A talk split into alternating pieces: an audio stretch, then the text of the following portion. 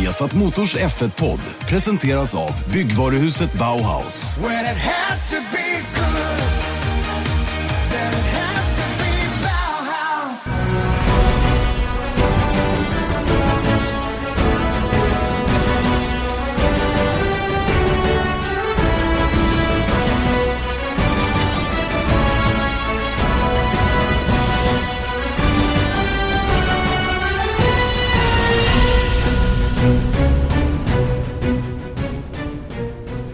Hej! Mycket välkomna ska ni vara till en ny Formel 1-podd som är lika pigg och alert som vanligt. Vi är på plats i Österrike och F1-podden den hör du ju som vanligt på Acast, iTunes eller på viasatsport.se.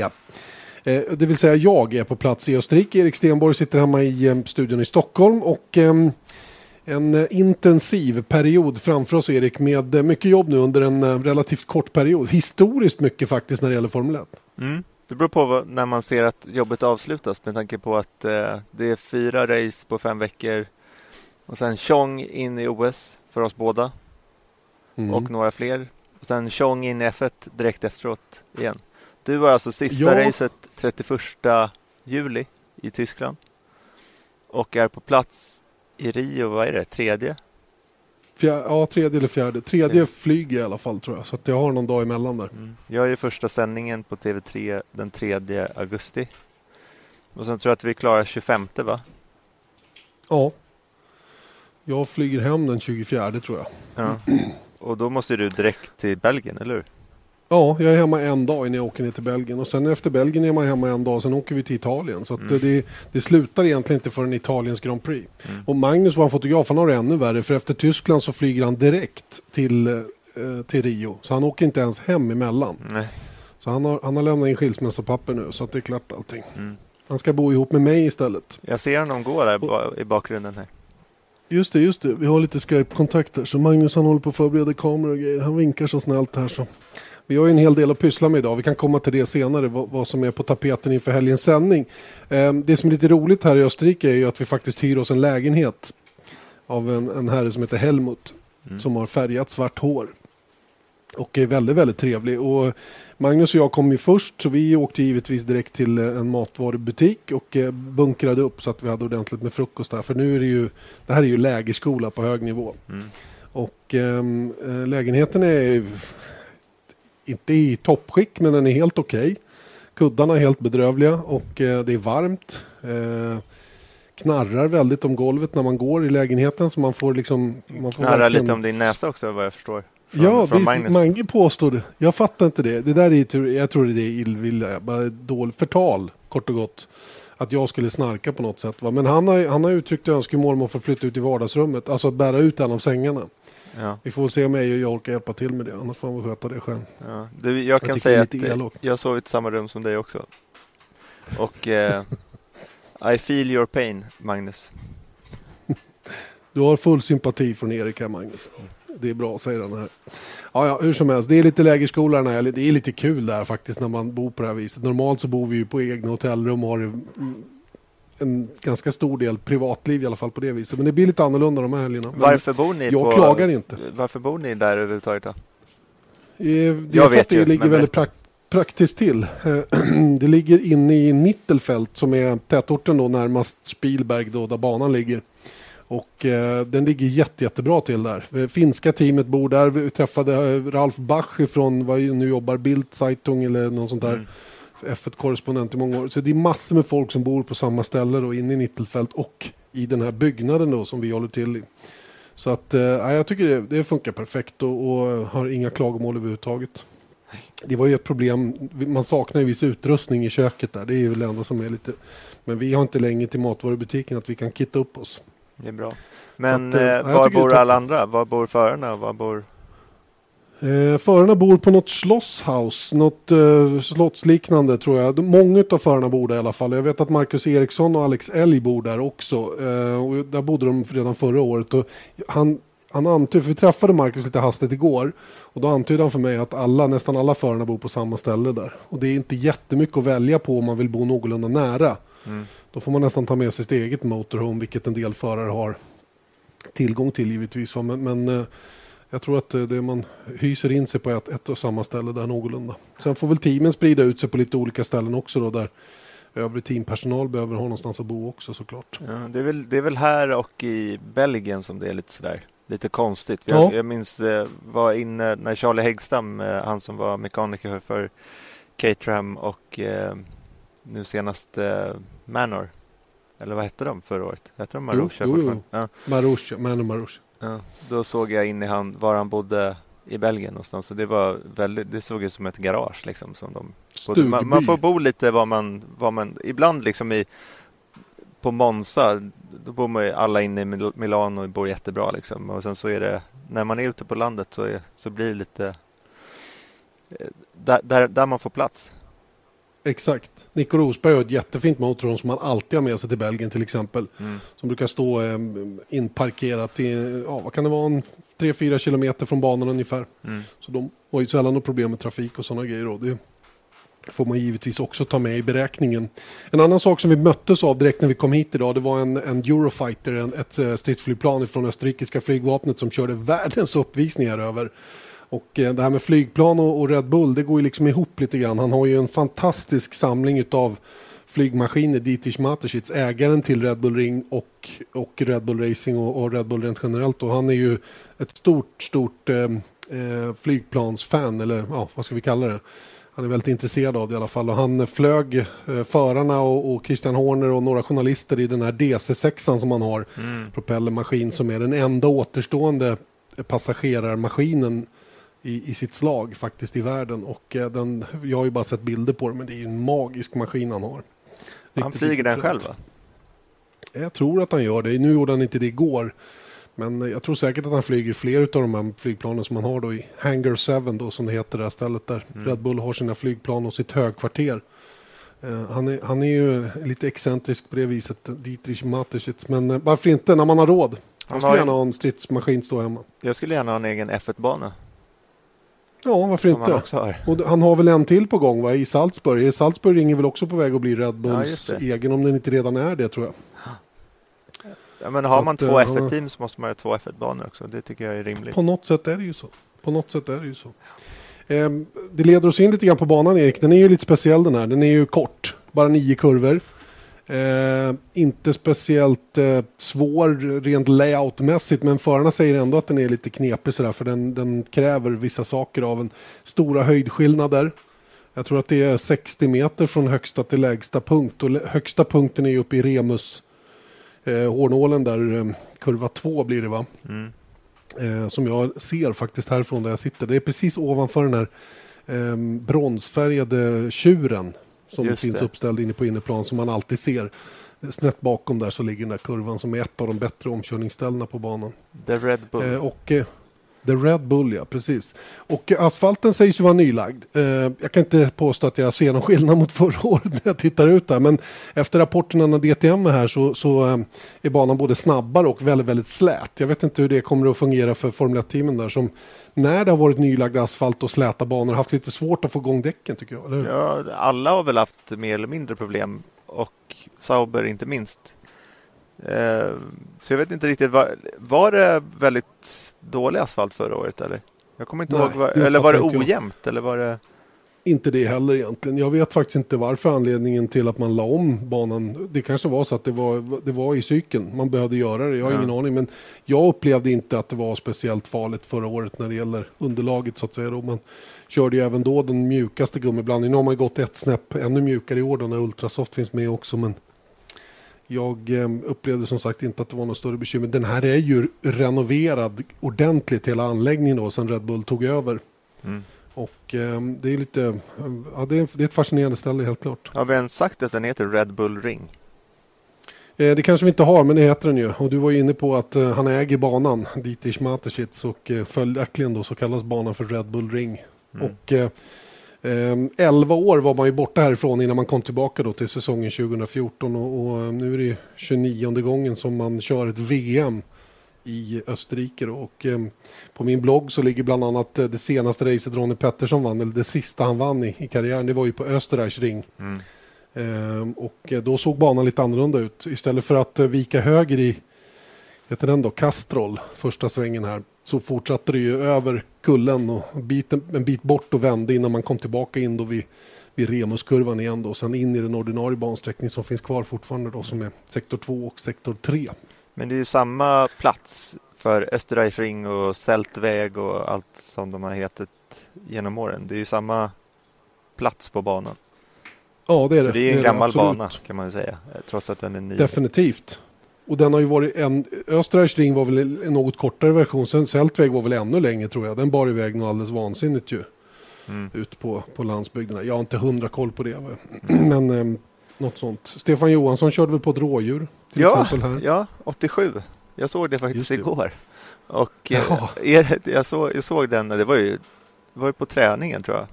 Ja, det var det. Alltså det var en riktig smäll alltså.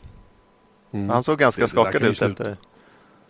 Tacka för det. Det kunde jag sluta jätte, jätte illa. Det där bara att köra i de där farterna när någonting väger. Vad kan ett rådjur väga? Jag har ingen aning. Men Ja, 70 kilo, 60 ja, eller 100. beror på rådjuret Ja, såklart. det- självklart. Men, men någonstans, Ja, men någonstans mellan där. tummen och pekfingret. Och så komma då i kanske 200-250 km timmen och möta där. Det blir en fruktansvärd smäll. Det kan ju bli, eh, ja man kan ju helt enkelt. Ja, Cristiano D'Amatta, han eh, gamla F1-föraren som körde för Toyota, han, han körde ju Indycar igen efter F1-karriären och han drog in en hjort, jag kommer inte ihåg var det var någonstans. Var det Mid-Ohio kanske? Ja, nå, någonstans. Det var inte liksom inte Watkins Road Glen. America eller Mid-Ohio. Det Ja, var någonstans, någonstans ute på börsen där. Och han fick ju grava hjärnskador liksom. Just det. Jag vet jag- inte om man har hämtat sig ännu från det. Nej, jag, jag tror inte att han har kört faktiskt. Jag tror inte han har tävlat på det sättet i alla fall. Det var ju väldigt... Ja. Eh, men det var ju frågan om han skulle överleva eller inte. En, en lång period. Men jag, Ja. var, jag, har de inte lite djurproblem på där? Det jag, var, var en hare inne förra året? Ja. Jag vet inte om man har mer djurproblem här än på andra ställen, men sett till hur banan ligger så är det inte alls konstigt om det kommer ett rådjur helt plötsligt. Det är ju verkligen skog och, och det ser ut som en, eh, ja, det ser ut som en alpsluttning så här på sommaren då, men mycket växtlighet och absolut inga konstigheter om det kommer in både harar och rådjur på banan. Men nu ska det ju vara stängslat ordentligt så att inte det ska kunna hända givetvis. Va? Men, eh, men eh, man kan väl kanske inte täcka upp helt och hållet för det. Nej, det var en katt i Baku. Kommer vi ihåg. Alltså, ja, det var det ja. En katt i Baku, ja. Vi har sett många konstiga djur på banorna emellanåt. Fåglar och det var ju, vet, i Kanada var det väl Ja, fiskmåsar va? Ja, Det var den stora. Vi Fettels, får göra någon form av sammanfattning av, av djurlivet runt banorna. Ett med naturen. Men det vi skulle komma till var ju att eh, förra årets snabbaste varv var 1.085 Mm. och de förväntar ju sig att eh, tider på runt 1.06 kanske till och med 1.055 alltså Mm. 2,5 till 3 Tre sekunder. sekunder. snabbare. Mm. Och det är väl tack vare asfalten e- enbart va? Ja, Paul de Resta som var här och körde DTM var i alla fall inne på det i försnacket. Det enda som jag har läst om det, att han, han menar på att de, de var utan vidare två, tre sekunder snabbare så som banan var i år jämfört med tidigare år. Och om man eh, flyttar över det så att säga rakt av på Formel 1 så blir det ju den där typen av varvtider. Det absolut snabbaste varvet som har körts här är Michael Schumacher från 2002 eller om det var 2003, 1.079. Och den tiden kommer man nog att straffa så vi kommer att få en ny, ett nytt rekord över lägsta varvtid i Formel 1. Mm. Eh, som, då, som då är 25 år gammalt då. Mm. Och det kan ju bli lite spännande om de gör det. Sen har vi nog ner till 1.06 blankt eller 1.55. Ja, det återstår att se. Det beror ju helt och hållet på hur de här Pirelli-däcken fungerar och om det är någon, någon snurr på dem så att säga. Mm. Men det betyder ju i sin tur när bilarna ska gå fem sekunder snabbare nästa år så kommer vi vara nere under minuten. Kul att du nämner det, för vi pratade om det där när jag träffade på Marcus Eriksson där en kortis i, igår kväll. Att eh, han hade nämligen sett de första sketcherna på nästa års bil. Mhm. Och han var ju mäkta imponerad av utseendet, självklart. Han menar på att däcken är så här stora, ungefär när Tore Skogman Mm. pratar om hur stora fiskar han har fått upp. Va? Och eh, det är klart att däcken rent visuellt, vi har ju se- sett de där bilderna som visades i Monaco va? Mm. Eh, där man visade upp en, en, en, dummy kopia eller en, en dummy av hur bilen, bilen skulle kunna se ut nästa år med en lägre bakvinge och, och bredare chassi och Pirelli bredare däck framför allt. Då. Just det, Pirelli gjorde det. Och eh, det är klart att bilen ser mer old school ut så att säga. Då. Diffusen kommer att bli större. Eh, framvingen blir också lite annorlunda. Bakvingen lägre och bredare. ja, allt vad det nu är. Va? Och vi satt just och pratade om det här att göra bilarna fem sekunder snabbare från i år till nästa år. Det är, det är, det, är väldigt mycket, höll jag på att säga. Det är, nu, nu vet inte jag om, om det kommer att bli fem sekunder. Det kanske handlar om två, två och en halv sekunder i slutändan. Ja, på spa det kanske det väldigt, kan bli fem sekunder. Liksom. För ja, det är en lång bana. Typ. Alltså på, I Monaco så kommer de inte köra fem sekunder. Det blir svårt. Nej, nej.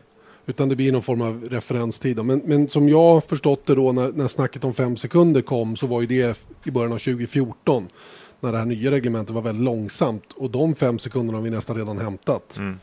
eh, sen dess. Och sen att hitta ytterligare fem, det tror jag inte är möjligt till att börja med enligt de givna fysiska lagarna. Däremot kanske två, tre sekunder eh, varvtider går att få till. Men det intressanta var att Marcus menar ju på att skulle det bli så att det går så mycket fortare, då kommer verkligen vi förare att känna skillnad. Då kommer vi vara krokiga när loppen är färdiga. Mm. Och eh, sen är det ju som Eje mycket riktigt påtalade, även om vi får bredare och större däck och, och snabbare kurvhastigheter så kommer vi att få mycket mer luftmotstånd, vilket kommer att göra att en del av tidsvinsten i kurvorna kommer att skrubbas av av toppfarterna som blir betydligt lägre. Och om det gick i 360 senast i Baku så kanske vi är nere i 335 med det nya reglementet rakt fram så att säga. Va? Men i gengäld då en halv sekund snabbare Ja, inbromsningar och sånt där också. Men partiondelar, precis, inbromsningar och, och, in i kurvor, eller genom kurvor framför allt. Då. Sen är väl den stora frågan om det här, den här förändringen verkligen gör racingen bättre. Eller om det bara är kosmetika rent varvtidsmässigt så att säga. Mm. Nej, men jag, jag läste någon annan, alltså, jag, jag, jag, vet inte, jag känner mig lite så ambivalent runt om där 2017. För motorerna är ju de samma liksom. Eh, och, och, så det är ju Arrow-koncepten mm. som ska bli Arrow och däcken då. Och det är väl det där eviga frågan, liksom aerodynamisk kontra mekanisk grepp. Och det är ju ändå väldigt många inte minst Rickard Rudell som, som kanske tror att eh, mekanisk grepp är en bättre för att ja, man ska kunna följa. Ja, för att man ska kunna följa ja. bakom. För det är ett problem även idag att man inte kommer tillräckligt nära. För aerodynamiken mm. av bil, framförvarande bil påverkar så mycket av den som följer bakom. Mm. Ja, jag tycker också det är... Men du vet, varken du eller jag har ju kunskaperna Nej. rent, rent liksom aerodynamiskt för att kunna säga varken bu eller bä.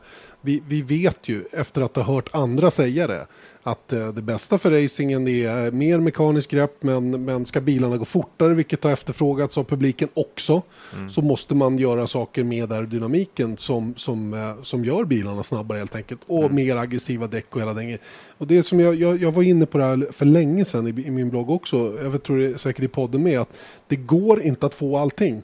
Och det är på något sätt det som är det konstiga med alltihop, att man ska försöka göra allt, man ska försöka göra alla till lags. Mm. Och det, det, går inte att lösa, utan man måste bestämma sig för någonting. Är det spektaklet på banan vi är ute efter? Eller är det varvtiderna vi är ute efter? Är det trötta förare efter målgång vi är ute Vad är det liksom? Mm. För vi kan inte få alltihopa. Nej.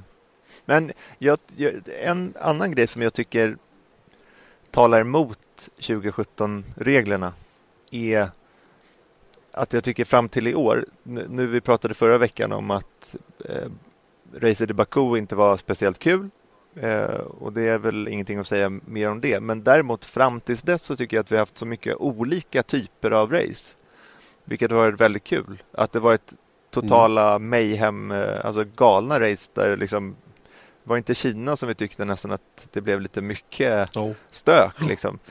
Men mm. sen så hade vi en jätte jag tycker Kanada var toppen race mm. som, som Spanien, TV. Spanien. Ja, fantastiskt. Och då, mm. men, men även i Kanada så då låg ändå Hamilton i ledning och Vettel jagade. Han var aldrig, det var aldrig mm. någon så här wheel to wheel, eh, alltså hjul mot hjul krig där. Men det var lite Nej. som det var när det var ett bra race för tio år sedan. Att mm det kändes verkligen som de låg och dånade på. Mm. De, de låg fem, och... ja, och fem, sex sekunder ifrån varandra men liksom, och så mötte de varandra och så satt man och stirrade på varvtider och det var jättespännande. Trots att det inte var du vet, Nascar eh, fyra i bredd eh, läger liksom. Och mm. jag tyckte det var väldigt, jag tänkte på det när jag såg, när vi tittade på Kanada, att det var kul att se det på det sättet och då vet inte jag det, och det är väl lite det som i varje fall jag som F1-fan i grunden efterfrågar att det blir lite olika typer av race. Så att det inte bara är så här DRS-bomber liksom, eh, hela tiden så att det blir mycket omkörningar. Men det, det kan vara kul med mycket omkörningar stundtals. Men sen så kan det också vara kul att se ett strategiskt eh, mästerverk till race. Liksom. Och det är två, helt Absolut. två olika typer. Jag håller helt med dig. Jag, jag ser hellre variationen i de olika loppen än något som är likadant hela tiden. Och det är klart att eh, vad, vad är det vi vill se? Vad, är en, vad ska en förare vara duktig på? Ska han vara duktig på att plocka ut max ur bilen? Nu kom det en flygmaskin över här, det kan jag tala om för mm, Gud vad de drar förbi. Ja, um, jo, men vad, ska, vad, vad, är det vi vill, vad är det vi vill se från föraren? Ska han göra de här blixtrande varvtiderna? Eh, ett kvalvarv som man bara klättrar på väggarna av att se? Eller är det den där håriga omkörningen där man vågar bromsa och chansa och det är 50-50 om det går väg? Alltså, jag vet inte, mm. man, kan, man kan inte få allting. Det, det, måste vi nog alla inse någon gång. Och, det är väl, sen har ju alla rätt till en åsikt och den får man väl vädra hur mycket man vill. Va? Men, mm. men, ehm, ja, men det, det, är väl lite, det, det, är det. Om, om jag ska försöka konkretisera vad jag skulle vilja känna inför en, en, en söndag. Det är en, en ovisshet. Och då menar jag inte att så här, ja, okej, jag vill inte att Mercedes ska vinna, för det får de gärna göra. Men däremot så att jag vet inte exakt vad det kommer bli för race. Det är allt mm. jag... För om man kollar på Schumacher-eran där 2003 liksom. Det var ju... Där, på den tiden visste man exakt hur racen skulle ja. kunna dra ut. En hur enstoppare. Och, ja, liksom, mm. Jo, men det, och då pratar jag ändå inte om att han dominerade och vann varenda race, utan jag pratar... Det kanske är oklart vad jag håller på att prata om, men det är just att rent strategiskt så var det ungefär på samma sätt i de allra flesta racen. Att man startade, mm. man körde eh, fort, fort, fort och sen så in för ett stopp och sen körde man fort, fort, fort. Det var exakt samma grej. Det var aldrig liksom fråga om att ja, men fyra depåstopp kan bli något.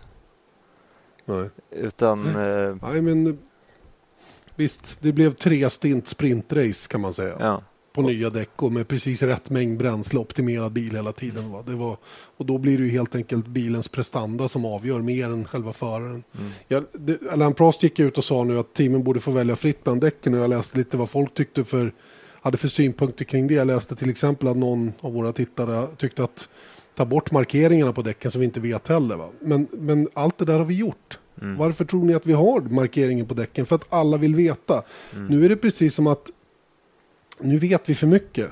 Vilket gör att vi har bättre koll på skeendena ute på banan. Även om vi inte har koll på allting så har vi bättre koll på skeendena. Det enda jag saknar idag det är ju hur mycket bränd... Jag skulle vilja se när, på träningen till exempel hur mycket bensin det är i tanken. Ja. Tänk att få den informationen också. Det har de. Ligga i en liten ruta. Det, det, är klart att de har. Den, finns, den är ju bara att lägga ut. Men, men man kanske inte vill lägga ut den. Men det är ja, och samma det här med tankning. Tankning tillför ju ingenting mer än kostnader för teamen. Det mm. blir liksom inget annorlunda utav det. Förutom att, eh, under de och, eh, sex sekunderna de är inne. Att det kanske är lite häftigt att det kan ta lite längre tid då. När det går fel. Exakt. Men det är, ju, men det är ju en avart också. Ofta så går det ju bra. Ja, ja. Och då var ju däckstoppen i, då, då, kunde ju de som bytte däck ta, lugnt, ta det lugnt dessutom. För det ja, tog betydligt längre tid att... Uh, här, Vad är det för plan? Här över det. det. det. är en Eurofighter. Det är en Eurofighter uh, som, som är här. En tvåmotorig. Läste på lite om den faktiskt. Den, uh, den tar 15 100 höjdmeter på en minut. Det är om ganska högt. drar rätt upp till exempel. Det är, det är rätt imponerande prestanda. Det är bara en sån där siffra men, men äh, de är coola. Apropå vi ska inte komma bort.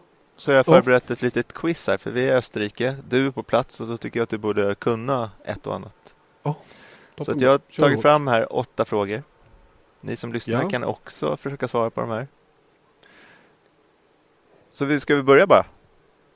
Kör hårt, jag är redo. Alltid redo. Fråga nummer ett. Vilka österrikare har vunnit i Österrike? Vilka eh, österrikare har vunnit? Jag kan inte så många österrikare så det, jag får säga en. Du säger vilka, borde indikera fler. Då får det bli Gerhard Berger och Niki Lauda då. Det var en kuggfråga. Det är bara en, det är mm, Lauda. Mm. Mm. Lauda som ja, vann eh, 84. 84, alright. Sant eller falskt? Är Red Bull Ring årets kortaste bana?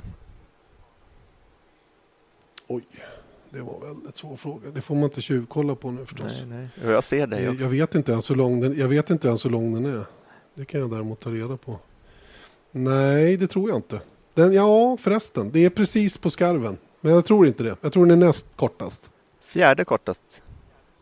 Ja, du ser. Förvånande va? Falskt med andra ord. Mm, Monaco, det var det. Mexiko och Interlagos ska vara kortare.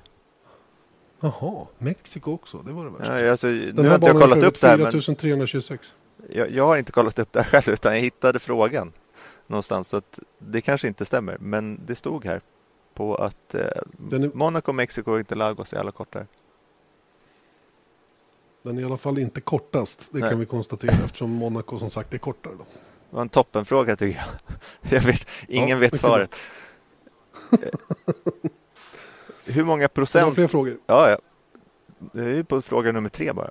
Hur många procent Bra. av varvet körs med full gas? 64. 65. Det var ju väldigt... Den, den får du poäng för. Bra. Vilken... Ja, det är en sån där siffra man kommer ihåg. Ja. Vilken förare har vunnit flest gånger i Österrike och hur många gånger?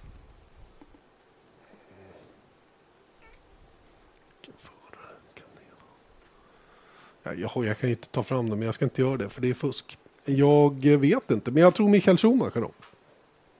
Alan Prost, tre gånger. Alan Prost. 83, 85 och 86. Just det, Rosberg vunnit två, Schumacher en, två. Sen hade Coulthard, Häcken en två. Mm. Just det, Hörru, sluta Prost. kolla nu. Ja, jag, jag, ser, jag ser när du försvinner ner i papperna. Vilket team har vunnit flest vinster i Österrike? Vilket team? Ah, McLaren. Hur många? Sju. Sex. Men du får ett halvt poäng. Ja, det är bra. Det här är, det här är våran grill the grid. Vi pratade om det förra just veckan. Det, just det, just det. Just det. Kimmy fick enklare frågor än Marcus. Ja, verkligen. Du får lite svårare frågor än Marcus tycker jag nästan. Ja, det är bra. Det är bra. 21 förare har vunnit Österrikes Grand Prix. Hur många av dem mm. återfinns på nuvarande startgrid?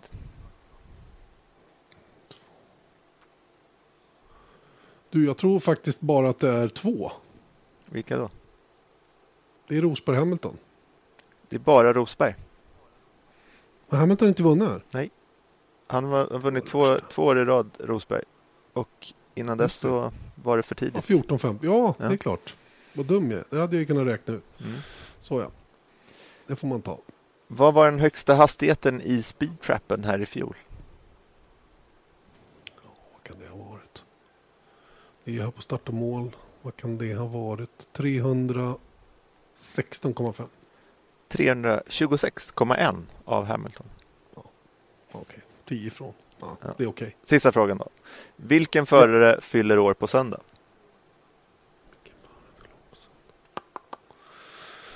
Ja du. Vad är vi för månad? Vi är i juni månad. Eller är vi i juli då? Det är vi ja. 3 juli. Ja, jag har ingen aning. Men jag får ta någon. Vi säger, eh, vi säger eh, Nico Hülkenberg. Det var fel också. Fettel blir 29 år gammal. 29. Tänk att han har blivit så gammal pojken. Mm. Och därmed är våran... Tio år sedan han debuterade. Ja, vår frågesport är slut. Två rätt av åtta. Det var inte bra. Nej, det var inte det bra. Var inte bra. Hade jag inte någon halv poäng också? Jo, två och en halv då. Eller Nej, det kanske ja, bara är en och en halv. För att... Ja, du ser, det är ännu värre. Ja, jag, du vet, jag har redan tappat räkningen. Men nu har vi i alla fall fått fram lite rolig stats. Vilket var syftet med det. Exakt, alla har fått lära sig någonting. Går vi vidare? Hör du, vi, vi, vi går vidare ja. Och um, ja, vad ska vi gå vidare med då? Rosberg-Hamilton, fighten fortsätter. Hamilton inte alls så lyckad senast då. Det har vi redan avhandlat anledningen med alla de här knapparna på ratten. Rosberg fick tillbaka lite moment igen och har ju alltså vunnit här de två senaste. Känns lite som, jag satt och kollade kvalet från förra året eh, på Österrikes tv igår kväll och det var lite spännande med avslutningen. Ni minns kanske att Hamilton bromsade på sig upp i kurva 2 och, och um, hade då den snabbaste tiden.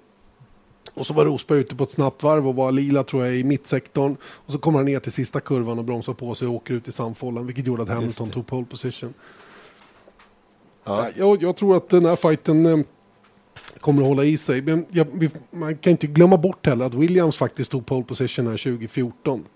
Just det. Och eh, det här är ju också en bana som bör passa den bilen och dess, dess, koncept så att säga. Då. Force India kommer att vara snabba här också, helt övertygad. Får de bara däcken att arbeta på samma fina sätt som i, som i Baku, då tror jag definitivt att Force India är på banan igen. Mm.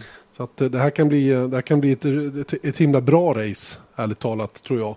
Om, om uh, vi får någorlunda vettiga förutsättningar. Nu ryktas det om regn här under helgen. Mm. Och det är inte klarblå himmel överhuvudtaget just nu och, och temperaturerna var, var, varma igår men de ska successivt bli, bli lägre ju längre in i helgen vi kommer här. Så att, eh, det blir lite spännande att se vad, vad det blir för typ av race och vad vi får för förutsättningar både under kval och, och på söndag. Mm. Red Bull ska bli intressant att se också, tycker jag. Med tanke ja, de med de här... floppade ju. Ja, dels eh, floppen senast och sen så eh, bra chassi, hemmaplan och den här nya asfalten då. Every year one thing is always predictable. Postage costs go up. Stamps.com gives you crazy discounts of up to 89% off USPS and UPS services, so your business will barely notice the change. Stamps.com has been indispensable for over 1 million businesses just like yours. It's like your own personal post office. No lines, no traffic, no waiting. Sign up with promo code PROGRAM for a four week trial plus free postage and a free digital scale. No long term commitments or contracts. That's Stamps.com code PROGRAM. Kan ju vara mm. kanske lite bra. Även om oh. det går mycket på full gas här. Uppenbarligen. Jo, visst, visst gör det det. Men det är inte, det är, visst det är fortfarande en powerbana som, som men inte ändå inte på det sättet. Här handlar det mer om att ha en hög genomsnittlig hastighet. Eh, utan att det går liksom för full power på det sättet så är det mer att man ska ha en bil man kan åka fort i de här svängarna som finns. Mm. Och eh, då handlar det mer om att ha handling från chassit och från däcken än en, en rå, rå hästkraftspower så att säga då, som man kan luta sig mot. Har man både och, vilket Mercedes har, då har man givetvis en fördel. Men jag tror också som det är att Red Bull har lite att bevisa här, för de var skitdåliga förra året. Mm. Riktigt dåliga. Eh, och eh, fick inte alls till det överhuvudtaget. Och redan förra året så trodde vi ändå att de skulle ha en hygglig möjlighet här på Red Bull Ring. Och framförallt på hemmaplan var det ju viktigt för dem att, att göra ett bra resultat. Men det gick käpprätt åt skogen. Mm. Vad tror du om McLaren? Att, för... McLaren ja, som, eh, ja, jag vet inte, jag tror att det är väl eh, samma som på alla andra banor, eller på att säga. Va? De, de måste ju kompromissa fart mot, eh, mot att hålla igen för bränsleförbrukningen och det kommer att bli samma visa här tror jag. Jag tror säkert att chassit är, är väl så bra så att de ska kunna vara med och ta en plats topp 10 i kvalet. och, och nu såg det väl inte ljust ut här förra året men, men de har ju tagit så enorma kliv framåt till i år. Så jag, jag tror på båda bilarna topp 10 faktiskt i kvalet. Mm. Åtminstone en. Mm. Sen, eh, sen är frågan om de kan ta poäng eller inte. Det, det återstår att se. Mm. Ja, men vi ska ju ta ett litet grepp, eller ett ganska stort grepp på McLaren på söndag inför eh, mm. i vår införsändning. Där, vi ska, där du ska träffa senare idag Jenson Button, Fernando Alonso, Stoffel van Dorn och Erik Boyer. Så vi har intervjuer med hela gänget där. Just det. Det ska bli faktiskt väldigt det är intressant. Spännande. Ja, tycker jag också. Höra lite grann hur de själva liksom ser på en del uttalanden som har kommit om att det är de som ska bli det team som petar bort Mercedes från tronen till exempel. Och idag känns ju det som en utopi, va? men någonstans vet de kanske någonting som vi inte riktigt har koll på. Mm. Men jag tycker ändå att det, det är lite där idén, alltså varför vi gör det här, är ju lite av just den anledningen att Ron Dennis säger att så här, eh, jag är övertygad om att det är vi som kommer vara nästa världsmästare efter Mercedes. Och mm. jag tycker liksom så här kan man väl säga, men jag menar det finns ju ingenting som indikerar för att han börjar ju liksom mot 2017, det är en, ett gyllene tillfälle för oss att uh, göra det här och nu kommer det, då kommer allting vara perfekt. Så, att, så den milda grad att de ska kunna ta vinster och kanske till och med slåss om VM nästa år. Mm. Jag tycker liksom, mm. om man kollar på historiskt sett, liksom, när uh, Alonso vann uh, 2005 och tog över efter Ferraris eh, dominans. Då började han ändå, han tog ju pallplatser året innan, han tog en vinst året innan. Eh, samma sak med Red Bull eh, 2010. Han, Vettel kom ju tvåa i VM 2009. Mm. Så där fanns ju en tydlig tendens då att okej, okay, de kommer kunna vara med här. Och samma sak med Mercedes när de tog över efter Red Bull 2013. Då var mm. ju Hamilton var i alla fall med och tog pallplatser. Pole positions inte minst. Men McLaren, det, det, det låter ju helt... Det, jag, jag, förstår inte uttalandet överhuvudtaget. För även om det skulle vara så, varför måste man... Jag börjar bara tänka på att de måste ha jätteproblem ekonomiskt så de måste liksom ta till Boosta. vad som helst liksom, för att uh, mm. få ordning på det. Eller för att behålla Alonso kanske. Ja, ja. Nej, men det, vi kommer inte få några raka svar på det här givetvis. Men frågan måste ställas och det är kul att se reaktionen på dem när de får frågan om vad, liksom, vad, vad finns det för grund för den typen av uttalanden så att säga. Mm. Och då är det kul att se lite grann hur, hur de reagerar på det. Och det är givetvis en fråga som, som kommer. Allt detta med McLaren alltså på söndag inför sändningen då. Det blir lite spännande att se. För det blir ett rejält grepp på McLaren alltså. Mm. Ehm, ska vi ehm, snabbt också avhandla lite silly season? Vi kan ju, nyhetsmässigt är ju en sak som har hänt egentligen då, att Carlos Sainz eh, eller att Red Bull har tagit upp den option man hade på Carlos Sainz för att förlänga hans kontrakt. Och ehm, det gör man då eh, med, med siktet att köra honom i Toro Rosso givetvis nästa säsong.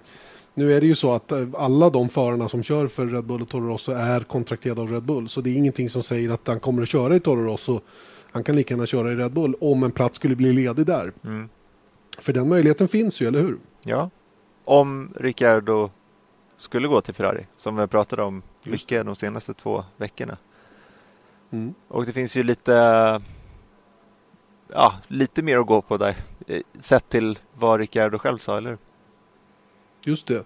Ja, men Anna börjar hinta lite åt det där hållet. Att ja, men visst, hör de av sig så skulle jag inte tacka nej, typ. Mm. Ungefär så i alla fall. Mm. Sen, sen sitter ju han också i en liten kontraktssituation som inte är helt, helt okomplicerad då med prestationsklausuler både till höger och vänster, både för honom själv och för teamet som, som gör att en, en eventuellt flytt kan bli dyr. Men, men eh, Ferrari har aldrig ryggat för att lösa förare ur ett kontrakt. Så skulle de vilja eh, byta ut Kimi Räikkönen mot Daniel Ricciardo, då gör de det. Eh, alternativt om de skulle vilja ta in Carlos Sainz istället. Mm för han har ju också varit en ryktenas man när det gäller en plats i Ferrari. Mest tror jag för att vissa journalister tycker att det vore en bra idé. Jag tror inte att Ferrari själva är liksom med och sprider det där eller, eller uttryckt något sånt. Men, men eh, Carlos Sainz skulle vara en alldeles utmärkt förare i Ferrari han också. Men då hade ju eh, tyska Automotorsport pratat med Helmut Marko redan mm. i Baku. Då sa de det, vi kommer att behålla, vi, vi, vi, vi kommer att skriva på med, med Sainz. Eh, men vi är inte främmande för att släppa honom om prislappen är den rätta. Och då, det förklarar lite grann också varför, varför de gör som de gör. Det viktiga är att de har Sainz under kontrakt och därmed kan ta bra betalt för honom om nu Ferrari är där och drar. Och det kanske de redan vet att de är. Mm. Inte vet jag. Och det som talar för det tycker jag är att Horner, nu är inte det klart, men han sa också i samma veva att eh, han förväntar sig att Kviat kommer vara kvar i Red Bull mm. i något av, det. Ja, det blir ju Toro Rosso till nästa år också. Då, det var ju någonting som jag verkligen inte hade trott med tanke på att du vet, de tar ner en, en förare från stora teamet ner till Toro Rosso igen. Och då trodde jag bara att det är bara eh, en tidsfråga innan han tidsfråga. släpps till, till nästa år. Men då är det väl om, mm. om de ska förlora någon förare till Ferrari så är det bra att ha kvar lite stabilitet. Ja men eller hur, de kan ju inte tömma för de har ingen uppsjö av förare som står utanför. Sette Camara kör i Formel 3 just nu. jag kan inte bedöma om han är tillräckligt bra för, för att ta steget upp hela vägen så att säga upp i till exempel Toro Rosso om det skulle bli aktuellt.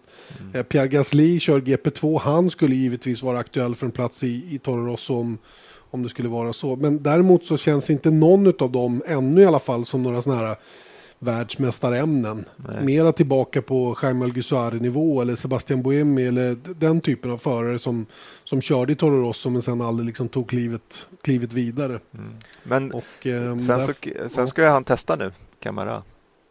Mm, för Toro Rosso, så det kanske är någon också potentiell indikation i alla fall att då måste vi i alla fall börja utbilda honom ifall att ja, det är nära förestående. Helt klart. Helt klart ingen tvekan om saken. Vad tror du ja, om tror att de skulle ta in att... någon? Tror du att det skulle hända att, de, att Red Bull, något av Red Bull-stallen skulle ta in en så att säga extern förare? Nej, nej, tror jag inte. Det finns inte en chans. Eller, nej, jag tror inte det. Jag tror faktiskt inte det. Och um, de, de, har inte gjort så tidigare. Jag tror inte de kommer att göra det nu heller. Uh, utan nu har liksom deras, uh, deras uh, apparat har ju satt sig ordentligt. Va? Däremot så har de haft lite svårt att fylla på. Det som jag tror har stökat till det för Red Bull lite grann, det var, det var Max Verstappen. Mm. Max Verstappen tog en väldigt okonventionell väg genom Red Bull mm. upp till huvudteamet. Hans pappa hade inga som helst planer på att gå den traditionella vägen genom juniorprogrammen och hej och köra World Series och GP2 innan han kom in i Formel 1. Utan de hade ju ett färdigt management, det har vi också pratat om tidigare. Mm. Och det gjorde att det blev det blev inte den där naturliga trappan som skapade lite utrymme för Red Bull att hitta ytterligare lovande talanger att fylla på med. Utan han, Förstappen bara ramlar rakt in i Toro Rosso och sen raka vägen upp i, i Red Bull. Pang bom bara. Mm. Och då, då har det liksom rört om lite grann i grytan. Åtminstone känns det så utifrån sett. Jag vet inte om det stämmer men när man tittar på det så tror jag att eh, Förstappens eh, avancemang genom teamen här har, har gått snabbare än vad än vad Red Bull kanske har kunnat kontrollera själva. Mm. Ja, men det tror jag också. Men det är också ganska tydligt då att det känns som att, i varje fall från media sett, att eh, all fokus på Kimi Räikkönens ersättare har ju gått till, ja, majoriteten har gått till Red Bull i alla fall. Eftersom mm. att mm. Rosberg nu har sagt, eller dels har Lauda att, eh, att eh, Rosberg i stort sett är kvar Eh, eller stort sett är klar för två nya år i, i Mercedes och han själv sa att I'll be here for many years. Eh, mm. Han syftade på Mercedes då. Går du tro på det? Ja men jag... Why not? jag vet Nej, why not? Det enda som talar emot det, det är att han, att han hamnar i den här situationen bakom Hamilton hela tiden. Alltså, han blir på något sätt hela tiden i skuggan av Hamilton. Nu kanske inte Rosberg bryr sig om det. Och det kanske ändrar på sig i år genom att han själv vinner VM-titeln. Inte, inte vet jag. Mm. Men, men eh, precis som många andra experter har varit inne på så tror jag det skulle göra honom gott att flytta på sig. Mm. Och skulle då Ferrari plats bli ledig så är ju det egentligen enda alternativet. För allt annat är ju, även Ferrari är ju faktiskt att byta ner sig ett snäpp. Det är mm. ju inte rakt åt sidan och det är definitivt inte uppåt. Nej.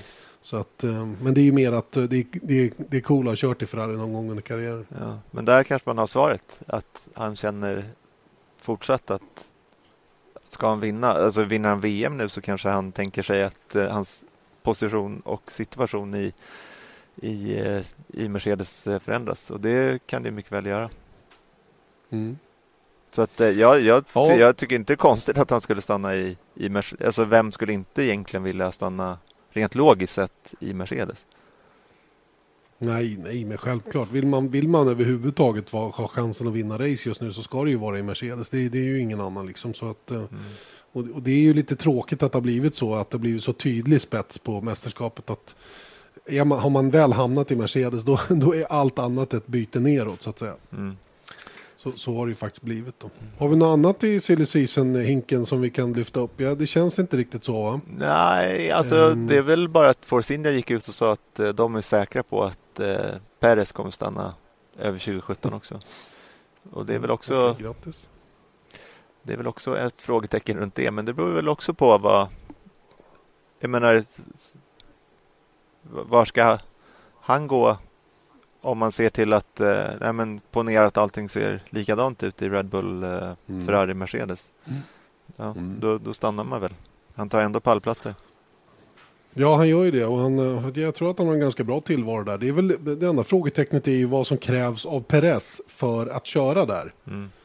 Kan han få en bättre deal någon annanstans? Det vill säga att han bara kan komma och köra. Mm. Om ja. du förstår vad jag menar. Ja. För det tror jag inte han gör nu, eller det vet jag att han inte gör nu. Och då, då, då liksom kan ju sånt spela en avgörande roll givetvis. Det är intressant också, jag såg Mika Salo tror jag sa i, i, i någonstans, något media att Valtteri Bottas kommer förr eller senare att köra för Mercedes. Och vad man får ett sånt uttalande ifrån, det vet inte jag. Men, mm. men ehm, ja, inte, ja, ja, som Hans sagt, det är bara bollar nationalitet kanske? Ja, möjligen. Och Bottas ska ju numera sköta sin egen karriär läste jag också. Han har väl droppat alla kopplingar med, med Didier Coton va? och eh, Micke Häkkinen som han har haft hjälp av tidigare som jag har förstått. Ja, just det. Ja. Får se. Andra som sköter sin egen karriär är ju Sebastian Vettel till exempel. Det ju, har ju gått hyggligt får man väl ändå säga. Ja, det går, det går bra. Senaste nytt om Eriksson då? Vad, vet du någonting han mer? Han kan inte fick parkera. Jaha, han kan okay. parkera. jag syftade på silly season, men det är väl... Ja, jag förstår, jag förstår men vi måste börja i rätt ända här. Ja. Han kan inte fick parkera och det är tydligen inte ensam om i, i Formel 1 på honom att inte klara denna denna eh, elegans bakom okay. ratten. Att uh, vrida in en bil på ett försök bara stanna 10 centimeter från trottoarkanten.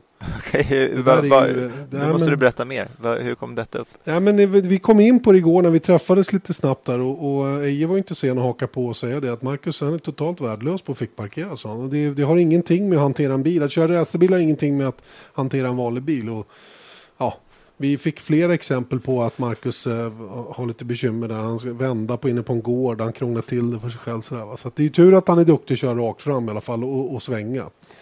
Och, och um, ja, inte vet jag. Det var tydligen så att Daniel Ricciardo hade samma bekymmer. Var helt värdelös på att fick parkera.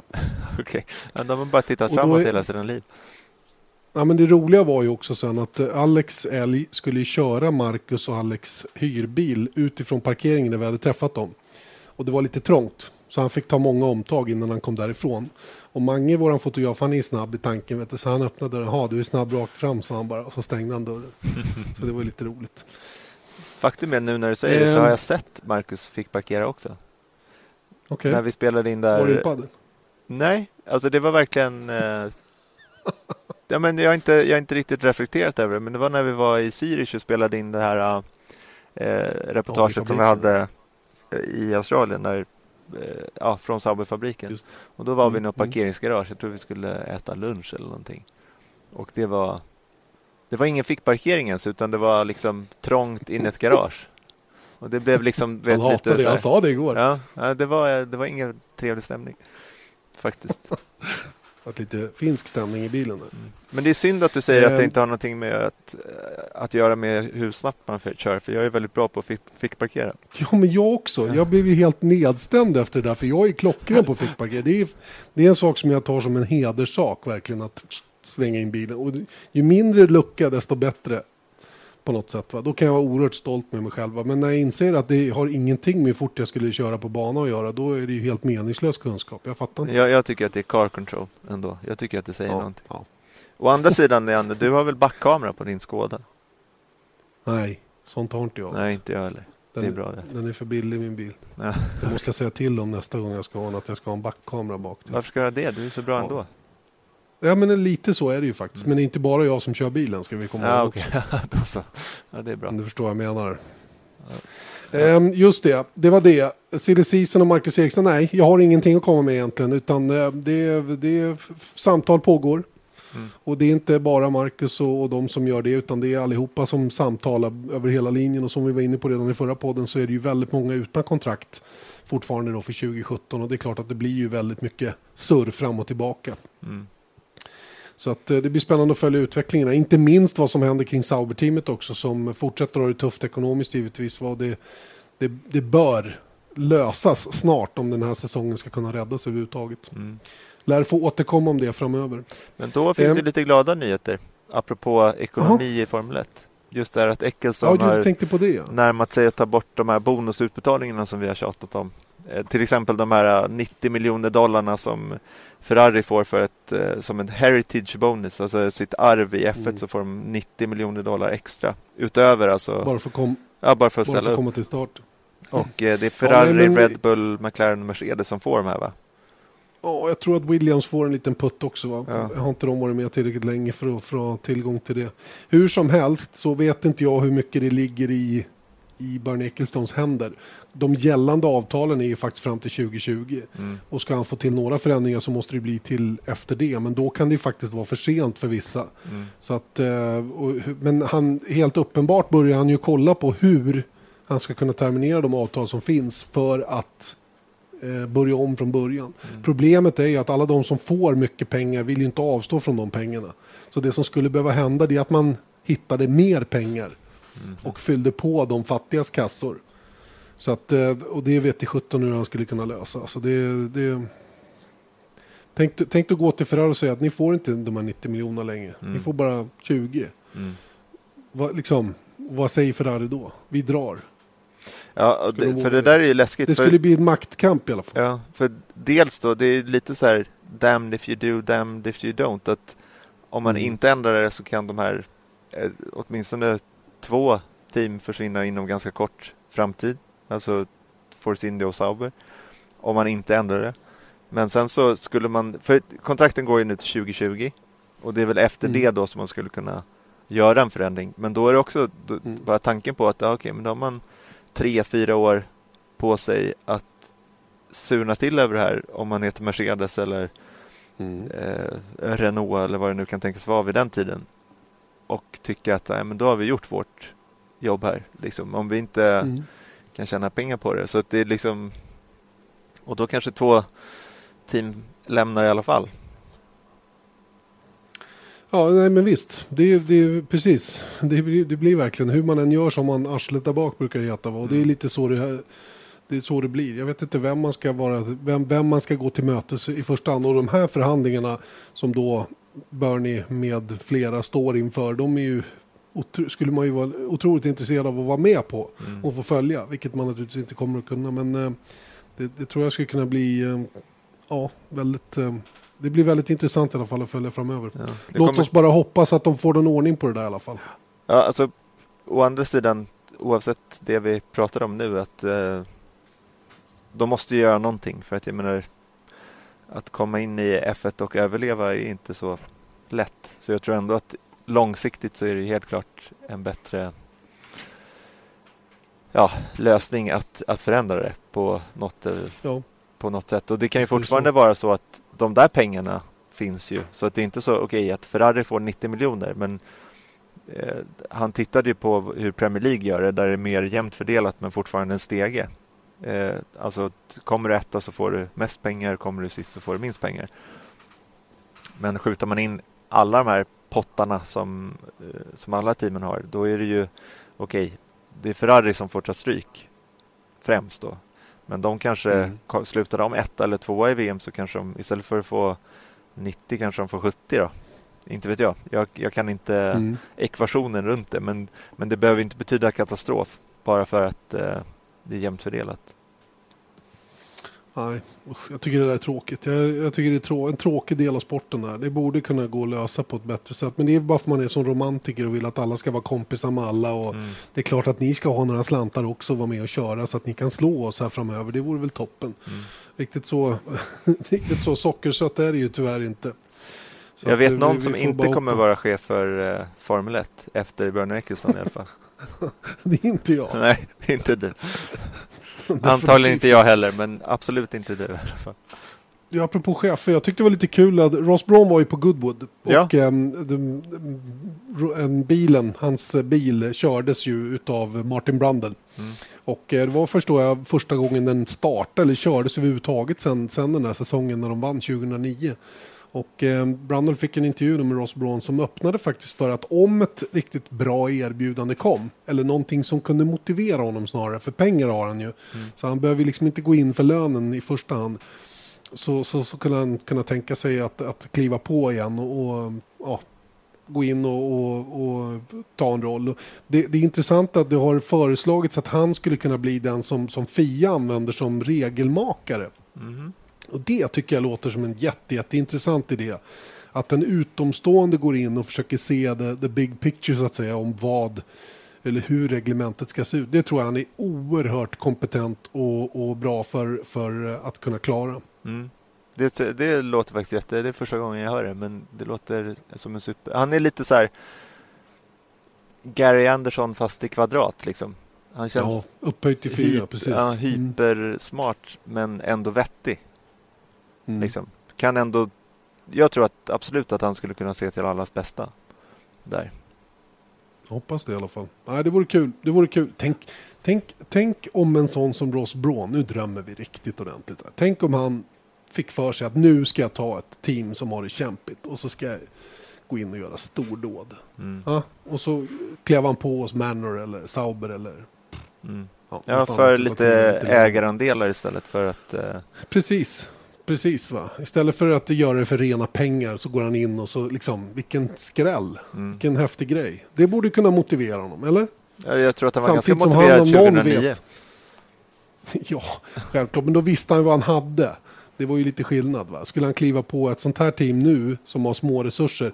Det är väl det, för han, är det någon som vet vad det kostar mm. att vara framgångsrik så är det ju han. Mm. Och, och, att inte se eh, att inte se att de resurserna är ens i närheten av att finnas, ja då kanske det är liksom mm. helt poänglöst. Men det var också en dröm. Mm. Nej, men jag, jag tyckte det var kul att se de där bilderna på... Det var en fin... Eh, det var min första säsong också. På Viasat. Just det, 2009. Stämmer. Så jag letade fram ja. min eh, gamla Henry Lloyd regnjacka, Braun, Braun Grand Prix eh, brandade regnjacka som jag köpte i Abu Dhabi. Just det. Och Marcus Eriksson körde ju den där bilen. Det var den första gången han körde Formel 1-bil. Mm. Testade den på Jerez. Jerez. Det var ju också en speciell... För kopplingen till Mercedes fanns ju då. Det är egentligen Honda då som det hade varit innan. Ja, just det med lite folk som hade jobbat både med Kenny och Meje och sådär. Så att det var väl det som gjorde att den där testen blev av. En sån här mm. Young Driver-test som de gjorde då i mm. slutet på 2009. Just det. Häftigt. Tänk vad det hade kunnat blivit. Ja, verkligen. Hörru du, eh, innan vi stänger butiken här nu, för jag har ju lite annat att göra idag. Ska mm. som sagt jaga lite förare. Du också antar jag. Eh, vem, vem, eh, vem tar pole här på, på lördag? Vem tar pole position på lördag? Det gör Rosberg. Nico Rosberg tar pole position. Jag kontrar då med... Ah, vad fasen, jag säger Sebastian Vettel. Någon gång måste han reda ut det här. Mm. I år är det, nu är det Vettels tur. Mm. Så att det, jag tror att det är en röd bil som kommer starta längst fram på söndag. Very good. Och vem vinner? Det gör... Det gör Vettel. Det gör Vettel, ja. Okej, okay. jag... Eh, fortsätter att chansa vild. Det är så värdelöst att bara tippa på Mercedes. Så jag mm. fortsätter att chansa vild. Jag säger att eh, Kimi Räikkönen sprattlar till ifrån tredje rutan. Så kommer han att vinna Österrikes Grand Prix på söndag. Okej. Okay. Och så lägger vi till Perez kommer tvåa. Ja, varför inte? Varför inte? Marcus Eriksson trea i ett regnkaos utan dess like. Exakt. Sju bilar, sju bilar går i mål. Det blir värre och värre här. Ja, eller hur? Ja. Keep dreaming boys. och eh, sen hade vi då vem som blir först att bryta. Det är lite tråkigt att tippa, men eh, vem, vem tror du? Alltså, det är ju bara egentligen McLaren är ju, det, det är, om man röstar på McLaren så är det som eh, att rösta på Mercedes. Så då tar vi Fairline. Fairline säger du. Jag tror att Romain Grosjean försvinner ut på en gräsplätt ovanför kurva 1 redan efter start. Häftigt. I förra året var det ju Alonso Räikkönen va? Som var först ut. Ja, just det. Det var där uppe, mellan kurva 2 och 3. Läskigt. Där eh, det blev lite stökigt, ja precis. Det hade kunnat sluta riktigt illa. Det har du rätt i, det har jag inte tänkt på, men så var det ju. Marcus hade ingen roligt race förra året. Tjuvstarta med rätt stor marginal faktiskt. Men blev elakt bedömd för att han vann absolut ingenting på det där. Han stannade ju till och med och fick börja om och då hade ju alla stuckit så han, han förlorade massor med placeringar. Mm. Fick ett stop and go straff och tre tror jag straffpoäng på licensen. Om det var två eller tre. Mm. Ja, det var ett elakt straff för den förseelsen måste jag säga. För det, han var ju inte, han är inte den som liksom han, det var inget farligt eller på det viset. Det var bara att han var lite mm. het på avtryckare. Det kan det gå ibland. Vad ser du fram emot mest? under helgen? Jag ser fram emot att få se ett bra race tror jag. Jag, jag hoppas att um, det är ju så alla helger, man har ju samma förväntningar på alla helger egentligen. Och man kommer hit och, och vill bara att det ska bli en, en bra kamp om, om vinst och seger. Och, och, jag vill att Ferrari nu förr eller senare faktiskt kan kapitalisera på att man har en hyfsat bra bil. Nästan lika bra som Mercedes. Man har haft läget några gånger nu som man har strulat bort genom mindre lyckade strategier. Och jag, jag vill inte se det mer nu. Jag vill att Ferrari får lite moment. Jag vill att de får lite framgång nu och att den här Marchione kan få sova gott en natt här för en gångs skull. Och kom igen nu. Visa, mm. visa, lite, visa lite ordning och reda nu och att de faktiskt kan. Det vore verkligen på tiden nu. Och, och, trycka till Mercedes lite grann extra, sätta extra press på dem som världsmästarteam och, och skaka om i, i grytan lite. Det är vad jag ser fram emot mest. Eh, jag kan bara hålla med och lägga till fighten i Sauber. Tycker jag ska bli kul att se. Mm. Vad mm. som händer efter eh, dominansen av Nasser förra, förra helgen. Just det. Där var det ju, fick jag reda på igår också, seriösa överhettningsproblem, yt, ytöverhettning i däcken då som Marcus hade stora problem med. Och vad det berodde på, varför däcktrycket gick upp så, så högt så att däcken började överhetta ytan, det är svårt att svara på. Va? Men, men eh, det, var, det var den skillnaden så att säga. Mm. Och eh, han, som vi pratade om sist, tio varv på varje stint, sen var däcken helt slut, bakdäcken framför allt. Så att um, det blir, blir spännande att se om man har bättre ordning på det den här gången. Och kan, få, kan få bilen att fungera rakt igenom hela helgen på ett, på ett bättre sätt. Mm. Och förhoppningsvis också utan några tekniska problem, motorer och annat. Det vore väldigt bra. Anywho. Du, lite sändningstider då. Mm. Det är väl normala Europatider som gäller den här helgen, vilket innebär att vi imorgon fredag börjar 9.55. 9.55 vi spelar alltså in den här podden torsdag förmiddag, 9.55 fredag förmiddag, träning 1. Eh, sen kör vi igång det andra träningspasset 13.55. På lördag sen är det träning 3, 10.55 och sen är det kval då som vanligt med sändningsstart 13.40. Och sen har vi racet då på, eh, på söndag där vi börjar snacka upp det då 45 minuter innan start, det vill säga 13.15.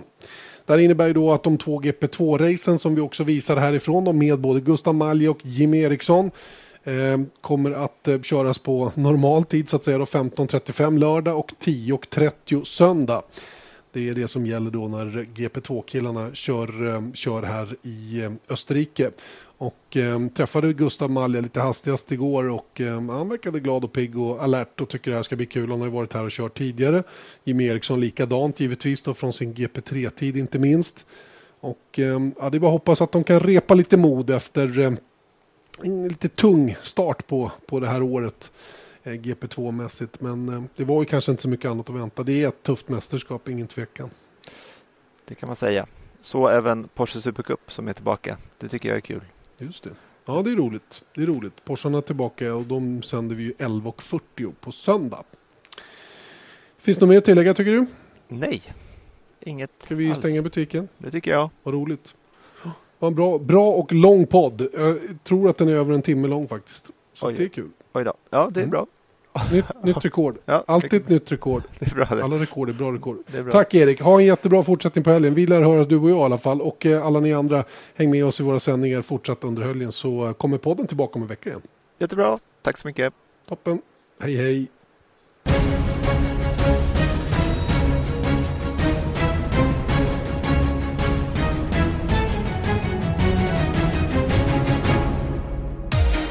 Vesat Motors F1-podd presenterades av byggvaruhuset Bauhaus.